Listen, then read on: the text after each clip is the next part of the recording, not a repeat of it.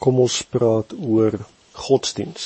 As jy nou al vir my 'n bietjie ken, dan sal jy weet dat ek na godsdiens verwys waar mense baie dinge moet doen om in die guns van hun godheid te kom. Ons as kinders van die Here is nie geroep tot 'n godsdiens nie.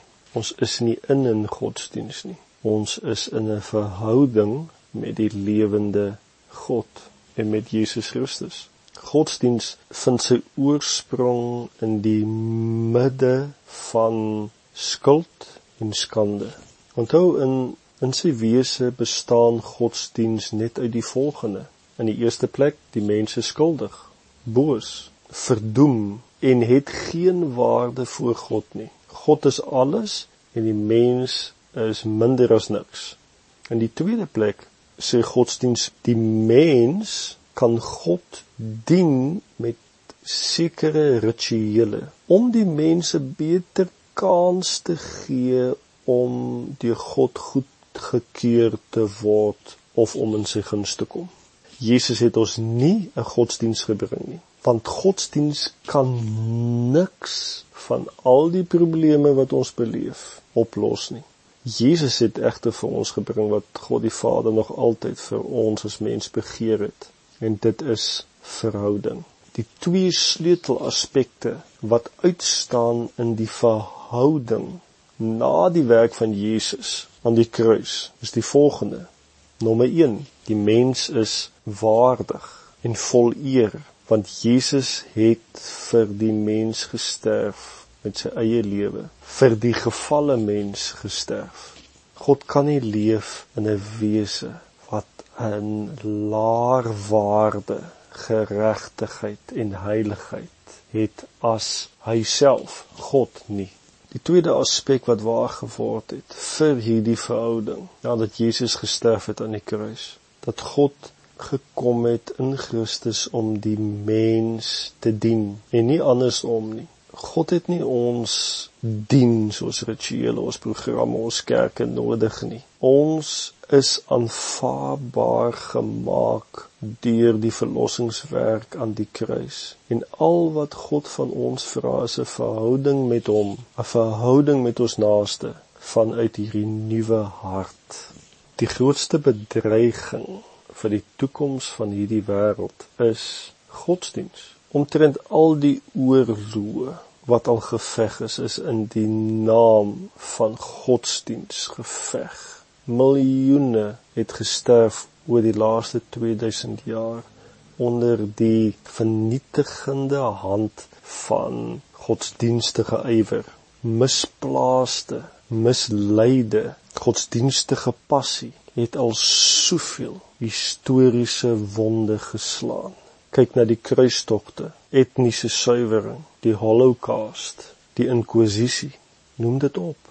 Godsdiens kan gedefinieer word as die nakoming van 'n groep oortuigings wat die morele, sosiale en rituele optrede van die individu bepaal. In hierdie definisie kry ons natuurlik ook die sogenaamde ateïs, die sekularis, die kommunis, die sosialis, die humanis, die agnostikus, want hulle almal kom in sekere geloofsisteem na van een of ander aard. Al glo hulle geensins dat daar 'n God is wat geskep het of lewe gegee het soos wat ons dit ken nie of hulle glo in die krag van die mens as die uiteindelike maatstaf van waarheid en lig en geregtigheid. Godsdienst is die resultaat van 'n inherente honger in die mens se gees dat die mens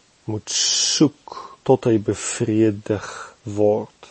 Die onuitblusbare honger in die mens wat voortvloei vanuit 'n vakuum omdat die mens iets verloor het, dryf die mens om antwoorde te kry om sin te maak van sy bestaan. En so is daar generasies van mense wat probeer om hierdie honger te bevredig deur bygelowe, gesofistikeerde rituele, gewoontes, praktyke, 'n Mens kan amper nie glo wat jy alles teekom nie. En die meeste mensgemaakte godsdienstaktiwiteite probeer altyd om een of ander antwoord te kry op die mens se bestaan en sy doel hier, asook die lewe na die dood, ook die onbekende geestelike wêreld. Ek is oortuig daarvan dat elke mens op aarde soekend is na twee dinge in die lewe en dit is na beheer en doel. Almal van ons soek vir sin in ons bestaan en die mag om ons lewens te bestuur, om ons omstandighede te beheer. Die mens soek die vermoë om die toekoms te bepaal en die onbekende te voorspel. Die mens soek om beheer te hê oor dood en lewe. En hierdie doel, sin van die lewe en hierdie beheer mag word verkry deur godsdiens, politiek, geld, erkenning, invloed, bekendheid. Ons jaag na doel en mag is die primêre bron en motivering vir die ontwikkeling van godsdiens. Alle godsdienste is dieselfde in die sin dat hulle probeer antwoord die vraag na mag en doel. Godsdiens beloof altyd mag, beheer, mag om die lewe te beheer, om omstandighede te beheer en om lewe en dood te verduidelik. En elke godsdiens verklaar ook dat hulle die enigste waarheid weet het en bo die ander is. Godsdienste vergelyk en ding mee met mekaar. En alle godsdienste vereis dat jy sal inval by hulle spesifieke geloofsisteem terwyl jy ander moet verwerp